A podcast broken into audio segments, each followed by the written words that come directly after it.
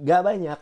Orang tahu sebenarnya ketika ada konten yang berhenti itu punya seribu alasan kenapa lagi berhenti atau lagi hiatus atau lagi libur.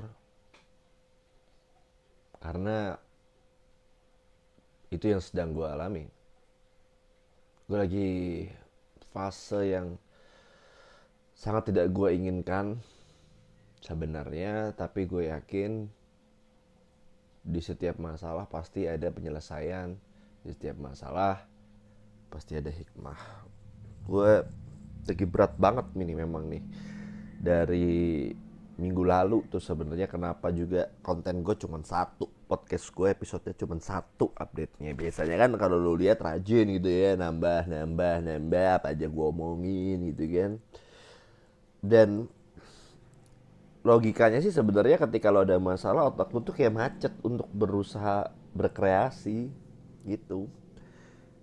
Masalah personal pastinya sih gue nggak bisa share. Tapi cukup bikin gue gemes cukup bikin gue ngerasa bersalah cukup gue bikin mengganggu lah ini ya cukup mengganggu buat gue ya udah langsung aja aplikasi pemerintah pemerintah tuh banyak banget bikin aplikasi buat yang masih nggak clear scope pemerintah di sini adalah bisa jadi lembaga bisa jadi pusat atau daerah dan juga bisa jadi BUMN. Kita bahas satu-satu. Di mana secara garis besar memang banyak yang berpendapat pemerintah itu gagap aplikasi. Paham gak sih lo? Gagap aplikasi itu ibarat kata gini membuat sebuah sistem, membuat sebuah aplikasi itu menjadi sebuah tren dalam pemerintah untuk menunjukkan tentang kapabilitas dari apa ya katakanlah pemimpinnya masing-masing. Misal si A merasa sukses karena membuat aplikasi A karena usernya banyak. Si B merasa sukses membuat aplikasi B karena banyak yang pakai juga gitu intinya beberapa tahun belakangan ini tuh sering dijadikan menjadi sebuah tolak ukur dalam prestasi di pemerintahan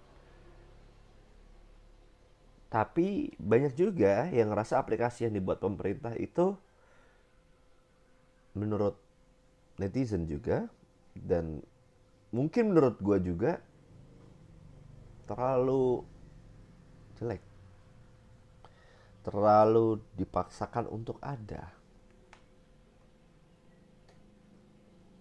Mungkin lu udah bisa tebak ya ini arahnya bakalan aplikasi apa yang gue bahas. Pertama peduli lindungi peduli lindungi gue kasih coba apa ya pendapat lo?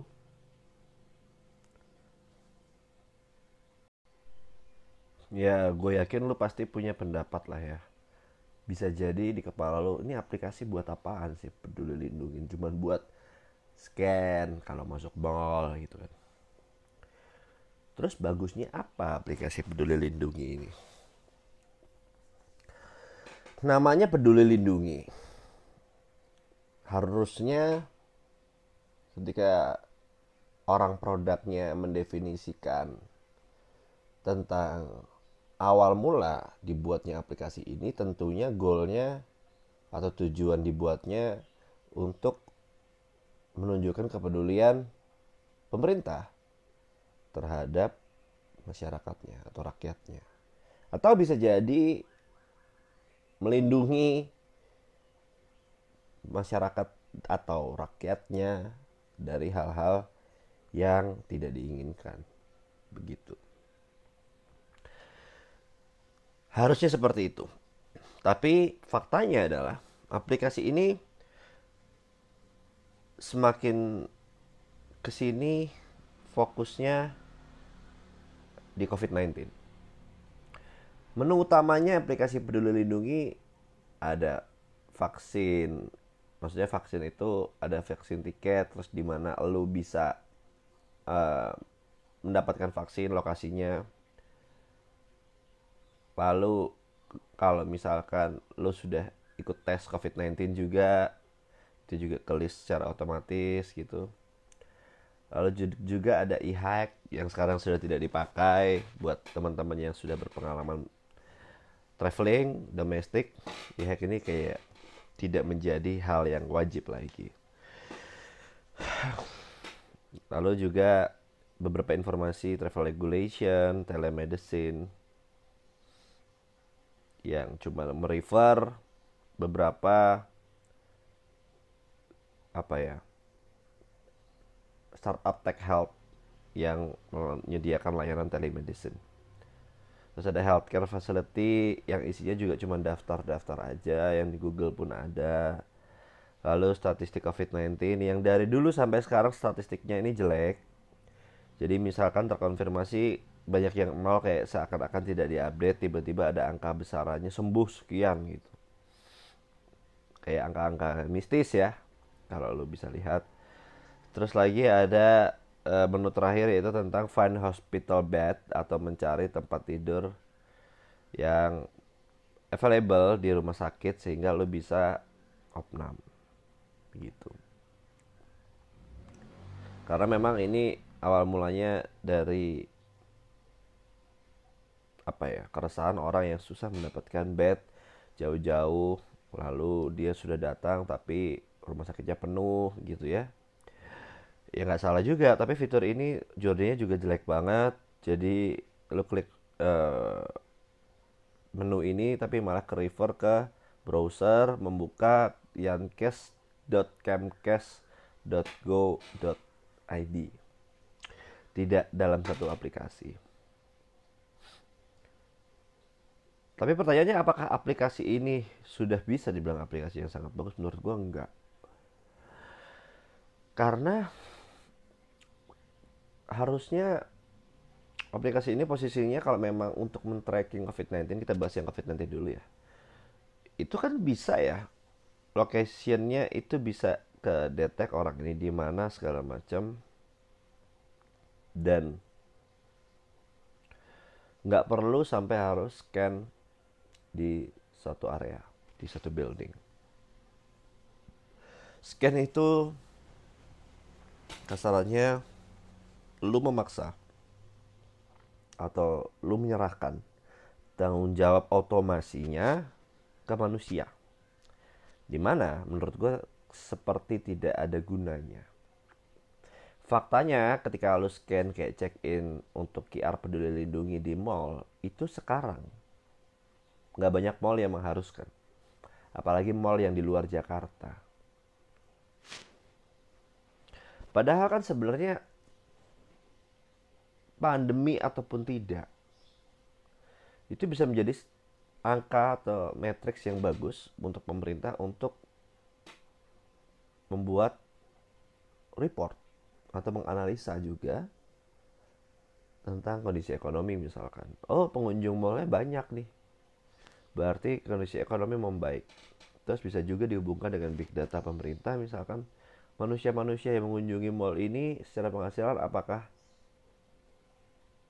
memang apa ya mumpuni. Misal dulu sebelum pandemi orang-orang ini penghasilannya berapa sekarang setelah pandemi berapa dan berapa orang yang comeback ke mall setelah pandemi. Itu kan bisa dianalisa juga. Dan akhirnya setelah dari data itu kan harusnya bisa menimbulkan beberapa kebijakan yang lebih data driven tidak cuma karena feeling.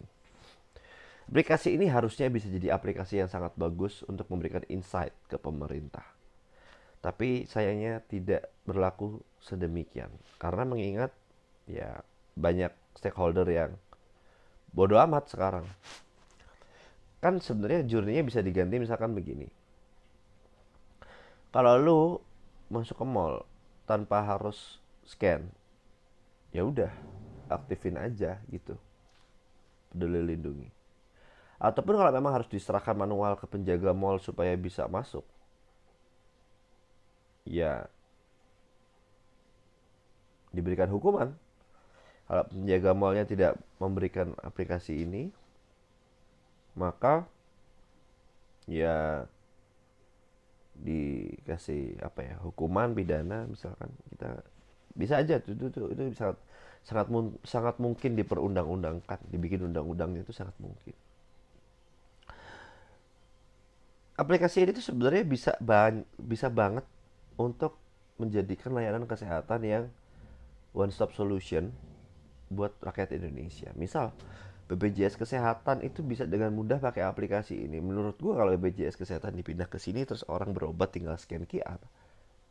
Itu lebih seamless dan orang tidak sungkan untuk pakai aplikasi ini dan tidak hesitate. Tidak kayak tar dulu ah, tar dulu ah dan kayak nolak gitu loh, nggak resisten, nggak ragu.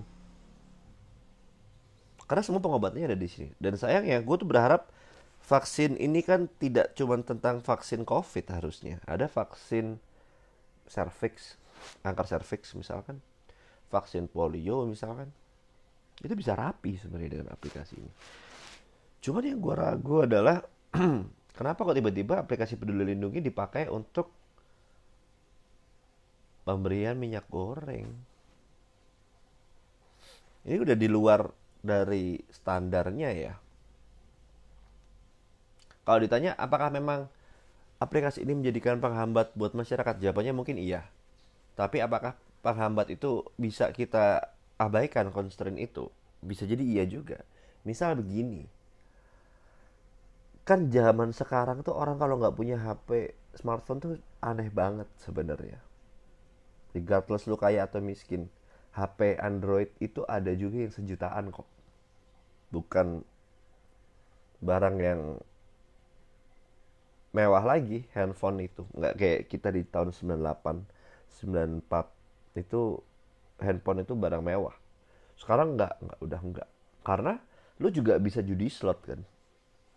Duit lu juga kalau dihitung yang lu pakai buat judi slot tuh bisa kok dibuat beli HP Android dan teman-teman yang judi slot juga udah pakai HP Android kan? Ya ya harusnya sangat-sangat mungkin. Tapi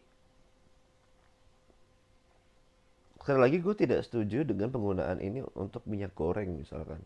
Bisa aja kalau minyak goreng kan skupnya beda dengan peduli lindungi yang sekarang. Karena minyak goreng itu kan harusnya hak masyarakat sehingga dia bisa membeli di mana saja dan supply-nya terjamin ya kan tapi ketika lo memaksakan orang supaya bisa beli minyak goreng harus punya aplikasi peduli lindungi itu diskriminasi namanya kenapa karena itu kebutuhan pokok minyak goreng sekarang. Bagaimana bisa membu mempersulit yang sekarang secara stok juga udah sulit. Terus ini juga menjadi makin sulit dengan menggunakan aplikasi peduli lindungi. Karena kita tahu sendiri yang membutuhkan minyak goreng per keluarga biasanya kan ibu-ibu untuk memasak ya. Dan kita juga sering lihat kalau yang ngantri juga ibu-ibu juga yang quote unquote tidak tech savvy alias gaptek dan itu dibiarin aja gitu. Padahal kalau ngomongin minyak goreng itu sebenarnya semudah mereka yang di garda depan untuk menyediakan bansos minyak goreng. Misalkan user journey-nya cukup masyarakat diharapkan membawa ektp karena pemerintah sebenarnya udah ada API untuk OCR yaitu uh, fitur yang misalkan lu kalau ngefoto KTP itu semua bisa kebaca semua. Dan itu harusnya lebih simple dan misalkan kalau mau bukan bikin aplikasi itu tuh nggak mahal juga. Dan nggak harus masuk Play Store lu bisa aja install APK-nya doang yang dibikin sama developer lu tanpa harus lewat lolos uh, Play Store yang penting kan ke data nih orang-orang gimana caranya yang ngambil minyak goreng itu nggak double claim gitu loh nggak dia lagi dia lagi doang terus akhirnya dijual jadi trader alias pedagang itu kan yang mau dihindarin sebenarnya kalau dari goalsnya ini. Lalu kemudian ada aplikasi My Pertamina. Orang-orang protes banget dengan My Pertamina. Kayak seakan-akan pemerintah dalam hal ini adalah Pertamina. Itu fatal gitu loh salahnya. Karena memang betul ada larangan dilarang menggunakan handphone ketika lagi mengisi bahan bakar atau bensin. dan gak ada salahnya juga sih memang kalau lu protes karena memang dari segi PR ini salah tapi dari sisi praktek di lapangan dari sisi realitinya lu pernah kan ke pom bensin terus lu ngelihat abang-abang pom bensin lagi sambil kerja sambil puterin lagu dari HP-nya HP-nya itu disandarin di pomnya gitu ada meja sebelah pom. HP-nya itu bunyi kenceng banget. Terus lagi dengerin lagu dari Spotify gitu. Ada dan lu nggak protes kan? Maksud gue jangan jadikan protes itu sebagai budaya tapi protes secara substansinya itu tidak berat. Maksudnya tidak berbobot. Kritis-kritis receh ngerti nggak maksud gue lu kayak kritis kok peraturannya gini tapi gitu ya udah Pertamina memang harusnya memberikan penjelasan yang lebih detail tapi harusnya lu tidak melulu menjadikan sasaran tembak Pertamina cuman kayak lu pengen ngatain aja buat apa kayak gitu tuh karena kalau lu lihat aplikasi My Pertamina itu bagus. Kalau misalkan aplikasi Play Pertamina dimanfaatkan untuk membeli bensin misalkan ya. Terus yang beli bensin pakai aplikasi Pertamina bisa dapat poin yang nanti bisa ditukerin bensin lagi tanpa perlu bayar itu bagus loh ngeretain loyalitas atau loyalty program. Di mana kan kita sama-sama tahu Pertamina itu sudah banyak saingannya. Ada Shell ada Total ada Vivo.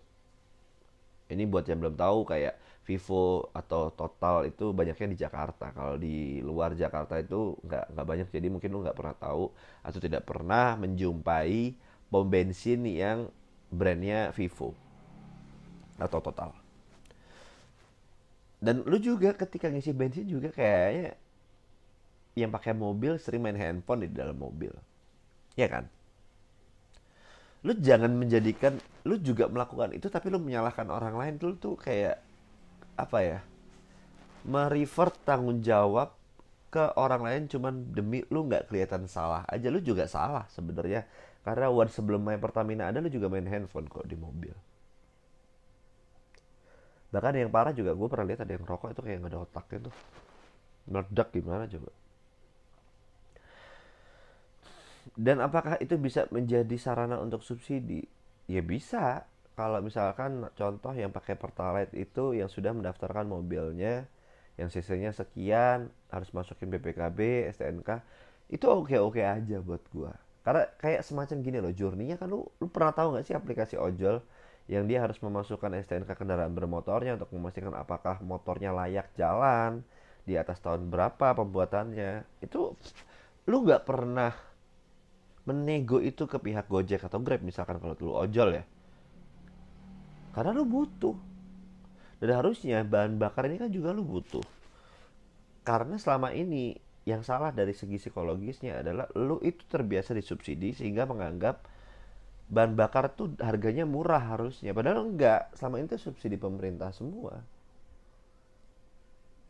Dan ya kacau kalau misalkan lu menganggap memang harganya memang semurah itu kemarin. Kalau ketika subsidi disabut ya itu memang harga sebenarnya. Gitu aja. Kalau lu emang nggak mau spend segitu semudah lu kayaknya harus mencari alternatif transportasi lain selain kendaraan pribadi ataupun gimana caranya sekalipun lu masih pakai kendaraan pribadi tapi lebih hemat. Itu lu harus pikirin juga tuh gitu-gitunya. Kalau mau disaran ke pemerintah juga tidak menyediakan layanan transportasi umum dengan baik ya silahkan itu nggak salah juga kalau lu mau protes itu. Cuman kalau mau dititik beratkan adalah fokusnya kalau bisa sih cek anggarannya ya. Karena nggak semua aplikasi pemerintah juga buruk. Misalkan lo juga tahu mobile banking dari BRI Mandiri ataupun BNI misalkan. Itu kan juga lo pakai dan lo pengguna setia. Nggak semua aplikasi pemerintah jelek kok. Tapi memang banyak juga yang jelek gitu. Tapi jangan jadi memukul rata satu jelek semua jelek ya jangan Lalu maksudnya gini loh, gue tuh berharap kritisnya itu tidak cuma di level rata-rata permukaan air doang gitu loh bahasanya. Kayak ini kan aplikasi nggak guna. Ya jangan gitu. Maksudnya kalau mau kita berpikir kritis yang lebih baik, coba kritisi project pembangunan aplikasi misalkan kayak contoh peduli lindungi itu berapa dan impactnya kepada masyarakat gimana apa yang bisa membuat aplikasi ini benar-benar bisa dipakai dan lebih optimal? Sehingga uang itu tidak terbuang sia-sia anggaran itu digunakan tidak terbuang sia-sia. Kalau mau fokus di situnya. Dan gimana caranya juga kita memastikan secara tidak langsung anggaran pemerintah kita itu kita juga tahu buat apa. Karena banyak juga kok aplikasi yang nggak penting yang ada di uh, Play Store gue kasih contoh lu yang paling amat simpel. Ada aplikasi absen di kedinasan. Misalkan dinas provinsi mana dinas kabupaten mana gitu ya. Aplikasi cuma buat absen doang. Jadi setiap kedinasan itu setiap unit itu kayak punya aplikasi masing-masing dan itu banyak banget di Play Store. Lu bisa googling bisa search juga di Play Store. Banyak sim pegawaian gitu tuh banyak banget. Dan dalam hati gue bukannya CPNS itu pendaftarannya terpusat dan terstruktur ya kayak semuanya dalam satu channel gitu. Kalau kayak gini absen kenapa jadi beda-beda sih? Sebenarnya itu bisa distandarisasi kayak lo tau kan buat lo yang kerja di startup mungkin merasakan hal ini. Sekarang itu lagi musim aplikasi absen, talenta yang paling banyak di setiap startup. Ya udah cuma tinggal kayak gitu doang. Absen, dan aplikasinya cuma satu talenta doang tapi perusahaannya beda-beda. Itu bisa terjadi bisa dilakukan. Misal oke okay lah kalau lo memang hemat dana. Ya pemerintah pakai aja sih talenta. Apa susahnya sih ya pemerintah untuk keluar budget barang sekian juta doang untuk menjadi member atau pengguna atau user talenta? Kan pemerintah bisa request. Pemerintah itu ya kalau misalkan mau jadi konsumer atau konsumen di startup seperti itu itu pasti dapat red carpet. Karena misalkan let's say PNS tuh jumlahnya pasti ratusan ribu lah mungkin juta kali ya gue nggak ngerti pasti jumlahnya. Terus datang ke sana itu kan buat mereka klien besar apalagi pemerintahan. Kalau misalkan pemerintah sebelumnya tidak ada nih sistem di talenta untuk oh ya pem, uh, pemerintah harus masukin ini ke dinasan ini kita nggak ada nih talenta tolong buildin dong fitur ini dispesialkan untuk kita pemerintah itu bisa sih menurut gue dilakukan di talenta. Apalagi request fitur yang lebih baik. Karena pemerintah bisa nyumbang duit lumayan kalau kayak gitu ke talenta. Dan talenta menurut gue tidak akan sukan-sukan untuk membuatkan fitur yang custom sesuai kebutuhan pemerintah. Karena misal gini gue nggak yakin apa sih gue lupa lagi kementerian yang ngurusin ASN itu. Apa ARB ya? Kementerian apa ya ASN ya kementerian aparatur negara aparatur negara ini gue sambil googling Iya, Kemenpan RB bener yang barusan menteri yang meninggal dunia ya. Turut berduka cita untuk Pak uh, Cahyo Kumolo dan sekarang digantikan ade interimnya pengganti sementaranya uh, Pak Tito Karnavian. Gua tuh nggak nggak nggak yakin kalau Kemenpan RB itu selalu mengevaluasi kinerja PNS PNS-nya. Karena dari segi absen aja lu datanya terpisah-pisah. Dan ya itu bukan rahasia lagi kalau di kepala atau di beberapa orang merasa PNS apalagi yang kayak kelurahan itu tuh kayak halah siang udah pulang didatengin juga nggak ada orang kalau misalkan dibikin sistem kayak gini ataupun nggak perlu bikin tapi cukup jadi user di talenta menurut gue itu akan membaik sih karena pada prinsipnya gini sih kalau lu bisa menata culture perusahaannya culture secara lembaga dengan baik, internalnya dengan baik, menurut gue secara tidak langsung outputnya akan juga membaik gitu loh. Dan ya segera dilakukan sih menurut gue. Maksudnya jangan apa-apa pengen bikin aplikasi, pengen bikin aplikasi anggarannya miliaran, tapi untuk efektivitasnya dipertanyakan karena matriksnya juga nggak tahu yang diukur apaan. Kayak peduli lindungi pun gue nggak ngerti yang harus diukur apaan tuh dari peduli lindungi. Karena peduli lindungi itu cuma buat nge-scan doang. Kalau nggak di scan mah peduli lindungi itu kayak nggak ada nggak ada ngapain gitu buat apa itu buat nge-track orang lagi di mana ya. Kepo amat itu memang ya memang ada sih fungsi kayak itu cuman ya sedih aja kalau gue mah. Gitu sih sebenarnya. Karena ada yang aneh lah maksudnya. Banyak-banyak yang maksudnya aplikasi yang harusnya bisa lebih baik gitu ya dari sisi pemerintah. Karena menurut gue capitalnya pemerintah tuh gede gitu. Pem- pemerintah tuh bisa bikin aplikasi super kapan aja tuh bisa. Dan terakhir ya yang sangat disayangkan dari pemerintahan terkait teknologi. Kita sama-sama tahu kan sampai hari ini menteri kominfo kita itu selalu dari partai. Tidak pernah mendapat porsi dari ahlinya atau expert atau non partai sangat disayangkan karena prestasi yang sekarang pun gue juga mempertanyakan nih orang ngapain gitu ya. Bapak ini bapak Johnny G. Plate itu di situ. Mengingat dia juga backgroundnya. Yang nggak nggak ada hubungannya dan pastinya untuk dia belajar lagi untuk bisa kecap juga berat gitu ya jadinya cuman apa-apa berusaha preskon kayak pemerintah punya aplikasi A, pemerintah punya aplikasi B, cuman kayak gitu. Buat apa gitu harus di level menteri kayak gituan. Karena kayak lu boleh boleh googling, ada aplikasi yang tidak jadi di launching namanya JP Hub. Jaringan pariwisata hub yang katanya bisa jadi super apps pariwisata. Dan menurut gue kan udah ada Traveloka dan menurut gue ya akhirnya tidak dibikin gitu, nggak ada gunanya juga. Tapi press release-nya udah di mana-mana, lu boleh googling. J J itu jali jali J P P Pedro. Gue J tadi tuh nggak tahu ya apa. Kayak Alpha Tango Remo itu nggak ngerti J itu apa. JP Hub jaringan pariwisata Hub itu ada tuh. Lu cari. Nggak ada aplikasinya sampai sekarang men. Pertanyaan gue kan kita jadi nggak tahu. Ini sebenarnya jadi suuzon gitu ya. Anggarannya kan udah dibikin ya aplikasinya nggak jadi apa emang anggarannya di cancel gitu ya. Karena nggak mungkin kalau anggarannya tidak diplot terus dia sampai preskon itu itu most likely impossible lah. Kayak kayak ngawang-ngawang gitu nggak mungkin. Itu sih. Semoga lo juga tercerahkan ya. Tidak semua aplikasi pemerintah buruk dan tidak jarang juga aplikasi pemerintah buruk. Itu aja. Stay safe semuanya. Semoga lo sehat-sehat. Lo juga diberikan kesehatan mental yang baik juga untuk menjalani hidup. Apa pun yang terburuk juga lo harus tegar harus kuat gitu aja ya bye bye semuanya. Love you